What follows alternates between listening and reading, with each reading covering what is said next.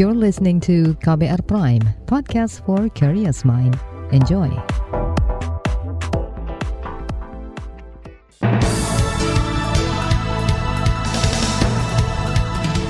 Halo saudara, selamat pagi. Senang sekali kami bisa menyapa Anda kembali melalui program Buletin Pagi untuk edisi akhir pekan Jumat 25 Maret 2022. Bersama saya Agus Lukman, sejumlah informasi pilihan telah kami siapkan di antaranya, Majelis Rakyat Papua mendesak pemekaran wilayah di Papua dibatalkan. DPR menargetkan RUU Tindak Pidana Kekerasan Seksual disahkan di Panja awal bulan depan. Gubernur Jawa Tengah menyiapkan mitigasi menyambut para pemudik. Inilah Buletin Pagi selengkapnya. Terbaru di Buletin Pagi. Saudara Majelis Rakyat Papua mendesak pemerintah meninjau kembali rencana pemekaran daerah otonomi baru atau DOB di Provin wilayah Papua. Rencananya wilayah Papua akan dimekarkan menjadi enam wilayah administratif yaitu Papua Barat Daya, Papua Barat, Papua Tengah, Pegunungan Tengah, Papua Selatan, dan Papua Tabi Saireri. Wakil Ketua MRP Yul Louis Mulait menilai pemekaran Papua dipaksakan sehingga memicu gelombang penolakan di sebagian wilayah Papua. Demo terakhir berlangsung di Yahukimo pada pertengahan Maret lalu yang berujung dua orang tewas tertembak. Ya ini kan sudah jadi sebuah semacam memaksakan ya itu. Apa namanya? Tidak ada riset tidak ada penelitian yang yang merekomendasikan tentang pemekaran. Dengannya sampai dengan saat makanya buktinya kan ada ini ada demo di mana-mana gitu ya menolak pemekaran itu sendiri. Terjadi demo di mana-mana di Jayapura di Wamena di Nabire apa di di Mepago dan terakhir di uh, Yahukimo ya untuk pemekaran itu sendiri Wakil Ketua Majelis Rakyat Papua Yul Luis Mulait menganggap pemekaran wilayah tidak menjawab persoalan kesejahteraan di Papua. Rencana pemekaran oleh pemerintah pusat justru membuat masyarakat Papua menjadi terganggu. Jika rencana ini dilanjutkan, Luis khawatir ini berpotensi memicu konflik yang lebih besar. Saudara penolakan pemekaran bermula dari revisi Undang-Undang Otonomi Khusus Papua yang dianggap dilakukan secara sepihak oleh pemerintah dan DPR – Hasil revisi juga dinilai diskriminatif karena tidak melibatkan Majelis Rakyat Papua sebagai perwakilan orang asli dalam setiap pengambilan keputusan. Saudara pemerintah berniat tetap melanjutkan proses pemekaran Papua meski ada sejumlah penolakan dari beberapa kelompok masyarakat. Tenaga ahli utama kantor staf presiden Theo Fransus Litai mengatakan pemekaran perlu dilakukan supaya akses fasilitas dan layanan publik lebih mudah ke depannya sebenarnya sudah melibatkan berbagai pihak secara cukup luas. Tapi bahwa perlu diskusi dengan orang yang tidak setuju, ya nggak apa-apa. Proses diskusi itu kan bisa dibangun. Tapi proses pemekarannya itu kan terus dilanjutkan. Sementara itu kita memberikan pemahaman kepada warga yang berbeda pendapat bahwa maksud dan tujuan dari pemerintah sebenarnya adalah baik ya untuk semakin memperkuat kualitas dari pelayanan publik pemerintahan di daerah ini. Tenaga ahli utama dari kantor staf presiden Theo Fransus Litai mengatakan pemekaran menjadi solusi atas kebutuhan dasar masyarakat Papua seperti kebutuhan dasar tentang kesehatan, pendidikan, ekonomi lokal, infrastruktur hingga konektivitas. Ia mengklaim sebagian besar masyarakat Papua setuju dan sudah lama berharap ada pemekaran. DPR juga berencana tetap melanjutkan pembahasan rancangan undang-undang tentang pemekaran wilayah Papua. Ketua Komisi Bidang Pemerintahan di DPR Samsur Rizal mengatakan usulan pembentukan daerah otonomi baru telah melalui berbagai kajian dan masukan. Saat ini ada tiga rancangan undang-undang pemekaran masuk dalam pembahasan harmonisasi di Badan Legislasi DPR. Tiga RUU itu adalah tentang pembentukan Provinsi Papua Tengah, Papua Pegunungan Tengah, dan Papua Selatan. Samsul Rizal menyebut demo penolakan bisa direkayasa oleh kelompok tertentu. Ya, kalau ada penolakan itu kan bisa kalau mau bicara tidak menyinggung ke siapa, itu bisa diciptakan, bisa dibuat, atau kita bikinkan juga ada pihak yang pro pemekaran untuk mewujudkan apa yang tadi yang kita inginkan, pun bisa juga gitu kan. Jadi itu pun bisa dibuat. Ketua Komisi Bidang Pemerintahan di DPR, Samsul Rizal mengatakan pemekaran Papua bertujuan untuk membang, pembangunan ekonomi masyarakat serta pembangunan infrastruktur, infrastruktur di kawasan-kawasan yang sulit dijangkau. Ia mengatakan pemekaran dimaksudkan untuk memperpendek rentang kendali pelayanan pemerintah kepada masyarakat. Menurutnya, sejak 20 tahun otonomi khusus Papua berjalan, dana sekitar 13 triliun rupiah belum efektif karena rentang kendali wilayahnya sangat luas. Saudara rencana pemekaran wilayah Papua mendapat sorotan juga dari Komite Pemantauan Pelaksanaan Otonomi Daerah atau KPPOD. Direktur Eksekutif KPPOD Herman Suparman mengatakan, pemerintah seharusnya mengevaluasi lebih dulu seluruh daerah otonom sebelum melakukan pemekaran. Herman melihat masih banyak daerah yang telah dimekarkan namun belum bisa memberikan kesejahteraan bagi rakyatnya. Sejauh ini Kementerian Dalam Negeri mencatat ada 220-an daerah hasil pemekaran baru yang dibentuk sejak 1999 hingga 2014. Hasil evaluasi Kemendagri dan Badan Perencanaan Pembangunan Nasional Bappenas menyebut 80 persen daerah hasil pemekaran gagal dan tidak mampu memenuhi kesejahteraan masyarakat usai dimekarkan. Sementara itu, Saudara Komisi Nasional Hak Asasi Manusia Komnas HAM mendorong polemik rencana pemekaran wilayah Papua diselesaikan melalui jalur dialog damai. Anggota Komnas HAM BK Ulung Hapsara mengatakan dialog harus mengundang elemen masyarakat yang menolak pemekaran. BK Ulung menilai pemerintah belum menyerap aspirasi masyarakat secara utuh. Tentu saja kami akan mendorong pemerintah supaya berdialog dan menyikapi sekian banyak unjuk rasa damai penolakan daerah otonomi baru. Karena penolakan daerah otonomi baru ini kan tidak hanya terjadi di Yaukimo yang menyebabkan dua orang meninggal, terus kemudian ada yang masih kritis dan dirawat di rumah sakit begitu. Tapi kan ada terjadi di Mepago, ada di Wamena, dan itu adalah dalam tanda kutip kekuatan politik yang tidak bisa dipinggirkan begitu saja. Komisioner dari Komnas HAM BK Ulung Hapsara juga meminta pemerintah lebih responsif terhadap gelombang demonstrasi menolak pemekaran Papua. Ia menyayangkan pemerintah lebih cenderung mengedepankan pendekatan keamanan dibandingkan dialog atau komunikasi dua arah. Saudara pengesahan rancangan undang-undang tindak pidana kekerasan seksual bakal dipercepat selesai sebelum masa reses. Informasi selengkapnya kami hadirkan sesaat lagi, tetaplah di Buletin Pagi. You're listening to KBR Pride, podcast for curious mind. Enjoy!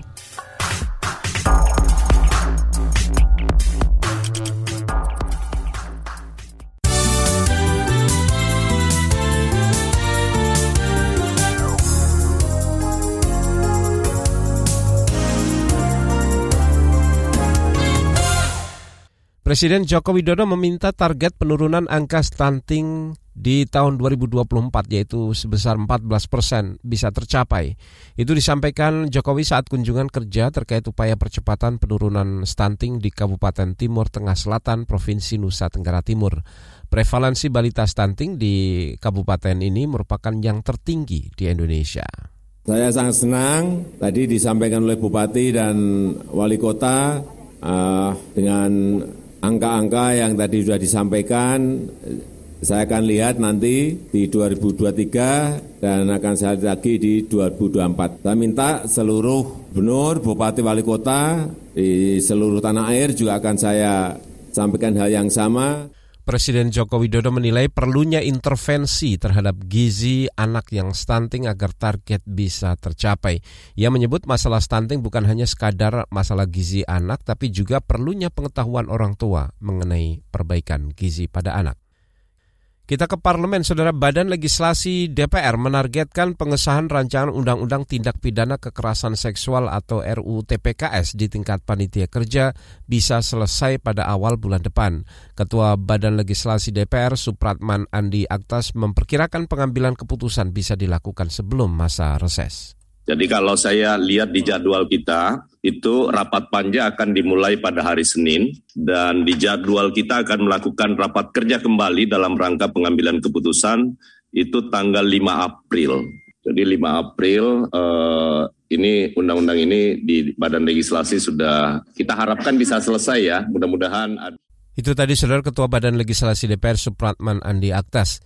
Saudara sementara itu, kemarin pemerintah melalui Menteri Pemberdayaan Perempuan dan Pelindungan Anak, Bintang Puspayoga, menyerahkan daftar inventarisasi masalah atau DIM Rancangan Undang-Undang Tindak Pidana Kekerasan Seksual.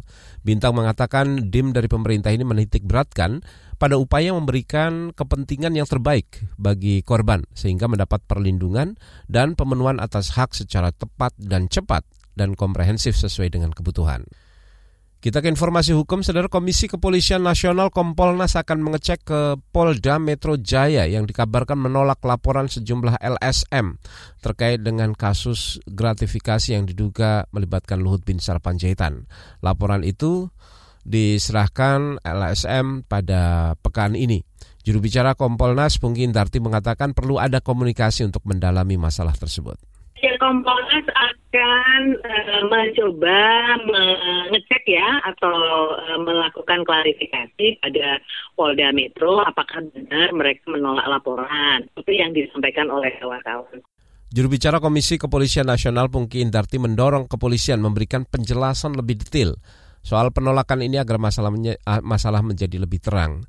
Pungki mengatakan pengaduan dugaan korupsi oleh masyarakat memang diatur dalam peraturan pemerintah, namun pada praktiknya dugaan korupsi dilaporkan melalui surat pengaduan.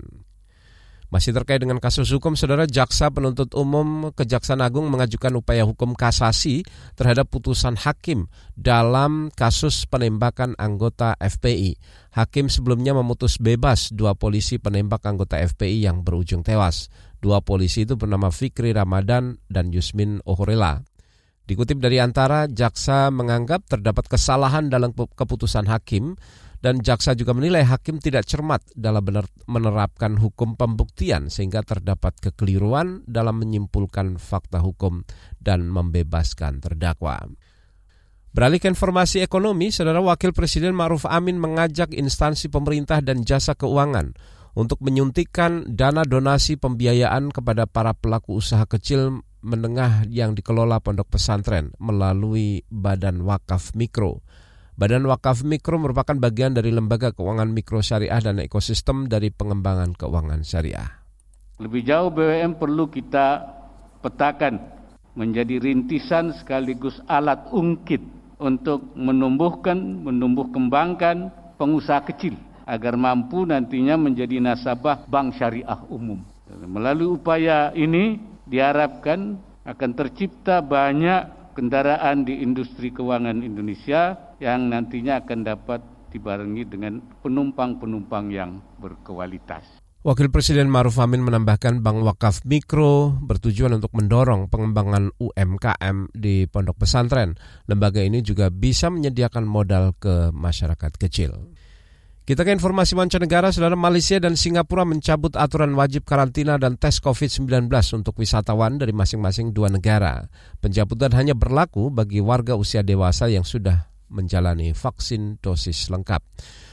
Informasi ini disampaikan Perdana Menteri Singapura Lee Sing Long dan Perdana Menteri Malaysia Ismail Sabri Yaakob dalam pernyataan bersama kemarin. Ismail mengatakan mulai 1 April, Malaysia juga berencana membuka pembatasan bagi pengunjung internasional. Begitu juga Singapura akan mencabut aturan karantina asing mulai 1 April mendatang. Informasi lain, saudara Duta Besar Ukraina untuk Indonesia, Vasil Hamyanin, meminta Indonesia menolak kehadiran Presiden Rusia Vladimir Putin. Putin direncanakan hadir dalam konferensi tingkat tinggi KTT G20 di Bali pada Oktober mendatang. Ia mengatakan kehadiran Putin sebagai penghinaan terhadap demokrasi dan martabat manusia. Sementara perang kedua negara masih bergejolak, Presiden Ukraina Volodymyr Zelensky meminta bantuan militer tambahan ke Pakta Pertahanan Atlantik Utara NATO. Militer-militer itu nanti akan digunakan untuk melawan pasukan Rusia yang menurutnya bakal mengincar negara aliansi NATO lainnya. Kita ke informasi olahraga, saudara, dari ajang turnamen bulu tangkis Swiss terbuka 2022. Sejumlah pemain Indonesia lolos ke babak perempat final. Di antaranya ganda campuran Indonesia, Rehan Noval dan Lisa Ayuku Sumawati, maju ke perempat final setelah menumbangkan pasangan Denmark di babak 16 besar. Sukses juga diraih tunggal putra Indonesia Anthony Sinisuka Ginting dan Jonathan Christie. Anthony Ginting menang atas pemain Prancis Arnaud Merkel, sedangkan Jonathan Christie lebih dulu lolos ke perempat final setelah mengalahkan pemain Malaysia. Pemain Indonesia lainnya yang lolos ke perempat final adalah dua ganda putra Indonesia, yaitu Pramudja Kusumawardana yang berpasangan dengan Jeremiah Erich Yohe, serta ganda putra Leo Roli Karnando dan Daniel Martin. Di bagian berikutnya, saudara kami hadirkan laporan khas KBR mengenai pandemi COVID-19 yang mengakibatkan angka putus sekolah meningkat. Informasi selengkapnya kami hadirkan sesaat lagi. You're listening to KBR Pride, podcast for curious mind. Enjoy!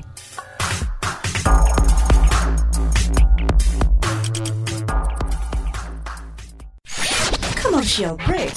Commercial break. Anda sering gelisah, tidak bisa tidur nyenyak, selalu merasa ada yang merasuki pikiran Anda. Ini bukan iklan horor atau cerita seram, tapi kalau Anda mengalami hal seperti itu, Anda pasti ketinggalan berita terupdate yang lagi ramai diperbincangkan. Gak mau kan dibilang ketinggalan berita?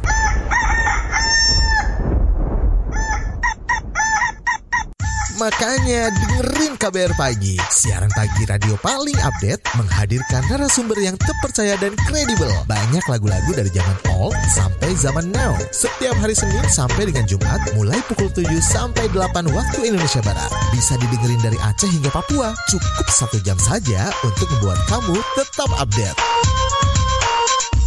Woi, ayam siapa nih? Berisik, saya mau dengerin kabar pagi.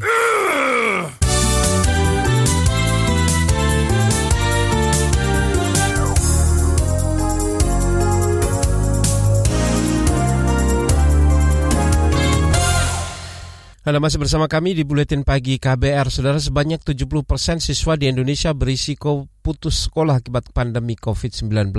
Dari persentase tersebut 30 persen di antaranya tergolong sangat rentan putus sekolah. Lalu bagaimana solusinya? Apa upaya pemerintah menekan angka putus sekolah? Berikut laporan khas KBR yang disusun Mutia Kusuma Wardani. Jumlah anak putus sekolah melonjak saat pandemi COVID-19. Menurut data Kementerian Pendidikan, Kebudayaan, Riset, dan Teknologi, terdapat lebih dari 44 ribu anak jenjang SD putus sekolah pada tahun pertama pandemi. Kemudian pada 2021, jumlah pelajar putus sekolah untuk jenjang SD menurun, namun masih terbilang tinggi, yakni sekira 39 ribu anak. Sebelum pandemi, secara rata-rata lebih dari 100 ribu anak di Indonesia putus sekolah setiap tahun. Data itu tercatat sejak 2016 hingga 2019. Namun, terjadi di berbagai jenjang pendidikan seperti SD, SMP, SMA, dan SMK. Sekjen Kementerian Pendidikan, Kebudayaan, Riset, dan Teknologi Suharti menyebutkan sejumlah alasannya selama pandemi ini banyak sekali dampak negatif yang kita alami khususnya untuk bidang pendidikan. Sebagai contoh saja, anak-anak yang putus sekolah untuk anak SD saja ini meningkat 10 kali lipat dibanding tahun 2019. Ya, banyak sekali eh, tekanan dari orang tua, eh, khususnya tekanan ekonomi yang memaksa mereka untuk mengajak anaknya untuk bekerja. Putus sekolah terjadi hampir di semua provinsi di Indonesia, termasuk Kepulauan Bangka Belitung. Di wilayah itu, angka putus sekolah mencapai 0,6 persen atau setingkat lebih banyak dari Provinsi Papua. Kepala Dinas Pendidikan Kabupaten Belitung Timur, Sarjono, mengungkapkan, meningkatnya putus sekolah itu turut memicu peningkatan angka pernikahan dini di sana. Dan dengan itu juga ternyata timbul masalah sosial yang lain. Apa masalah sosial yang lainnya? Pernikahan dini di Belitung Timur itu juga hmm. ini mungkin salah satu kontribusinya dari pembelajaran di rumah tadi gitu kan. Hmm. Sesuai dengan visi misi bupati untuk program yuk sekolah, ya nggak yuk sekolah. Jadi itu sebenarnya memang untuk mengatasi angka diutuh. Kepala Dinas Pendidikan Kabupaten Belitung Timur, Sarjono, mencatat pada tahun lalu ada sekitar 120 siswa tingkat SMP dan 160 siswa tingkat SMA di wilayahnya yang putus sekolah. Komisi Perlindungan Anak Indonesia membenarkan bahwa pandemi mengakibatkan pendapatan orang tua siswa menurun. Ini jadi salah satu faktor penyebab meningkatnya angka putus sekolah. Komisioner KPAI bidang pendidikan Retno Listiarti menyebut dampak kesulitan ekonomi itu mengakibatkan banyak siswa menjadi pekerja anak atau melangsungkan perkawinan. Alasan lain ialah kecanduan bermain gawai. Karena itu, ia mendorong pemerintah segera mengintervensi masalah ini untuk menekan angka putus sekolah. Kalau kemudian sudah diketahui penyebabnya, misalnya penyebabnya adalah masalah ekonomi misalnya, ya ya negara harus turun karena kan negara juga punya punya program-program untuk membantu. Misalnya program Kartu Indonesia Pintar atau misalnya di Jakarta tidak hanya Kartu Indonesia Pintar, tapi ada program misalnya KJP. Ya di situ intervensi negara. Retno juga mendorong sejumlah kementerian seperti Kemendikbudristek Kemenak, dan Kemensos untuk berkoordinasi mengatasi masalah angka putus sekolah selama pandemi virus corona. Peningkatan angka putus sekolah turut mendapat sorotan dari parlemen. Ketua Komisi Pendidikan DPR RI, Abdul Fikri Fakih, menyarankan pemerintah tidak mengalihkan anggaran pendidikan untuk pemulihan ekonomi nasional. Sebab menurutnya, saat pandemi, pendidikan merupakan prioritas kedua setelah urusan kesehatan masyarakat. Selain itu, ia menilai adaptasi dan persiapan pemerintah pusat dan daerah di bidang pendidikan masih belum optimal. Kalau toh misalnya uh, dari sisi ekonomi kita tidak bisa memenuhi, persurut, uh, memenuhi sepenuhnya, tapi kalau pendidikan ini tetap dijalankan, maka masyarakat akan bisa menyelesaikan problematikanya sendiri. Tetapi faktanya memang pemerintah pusat, pemerintah provinsi, dan pemerintah kabupaten kota tidak terlalu konsen sehingga ada dampak lain yaitu uh, putus sekolah dan seterusnya. Dan ini nanti akan pengaruhi Human Development Index atau Indeks Pembangunan Manusia karena salah satu aspek dari uh, penilaian IPM atau Indeks Pembangunan Manusia adalah pendidikan. Politikus PKS Abdul Fikri Fakih menambahkan, peranan satuan pendidikan juga diharapkan dapat aktif memantau dan mengunjungi rumah-rumah siswa yang tidak mengikuti kegiatan pembelajaran selama belajar jarak jauh. Terlebih, banyak siswa yang kekurangan fasilitas untuk melaksanakan pembelajaran jarak jauh semisal tidak punya gawai dan kuota internet. Demikian laporan khas KBR, saya Mutia Kusuma Wardani. Saudara informasi dari daerah akan kami hadirkan sesaat lagi, tetaplah di Buletin Pagi. You're listening to KBR Pride, podcast for curious mind. Enjoy!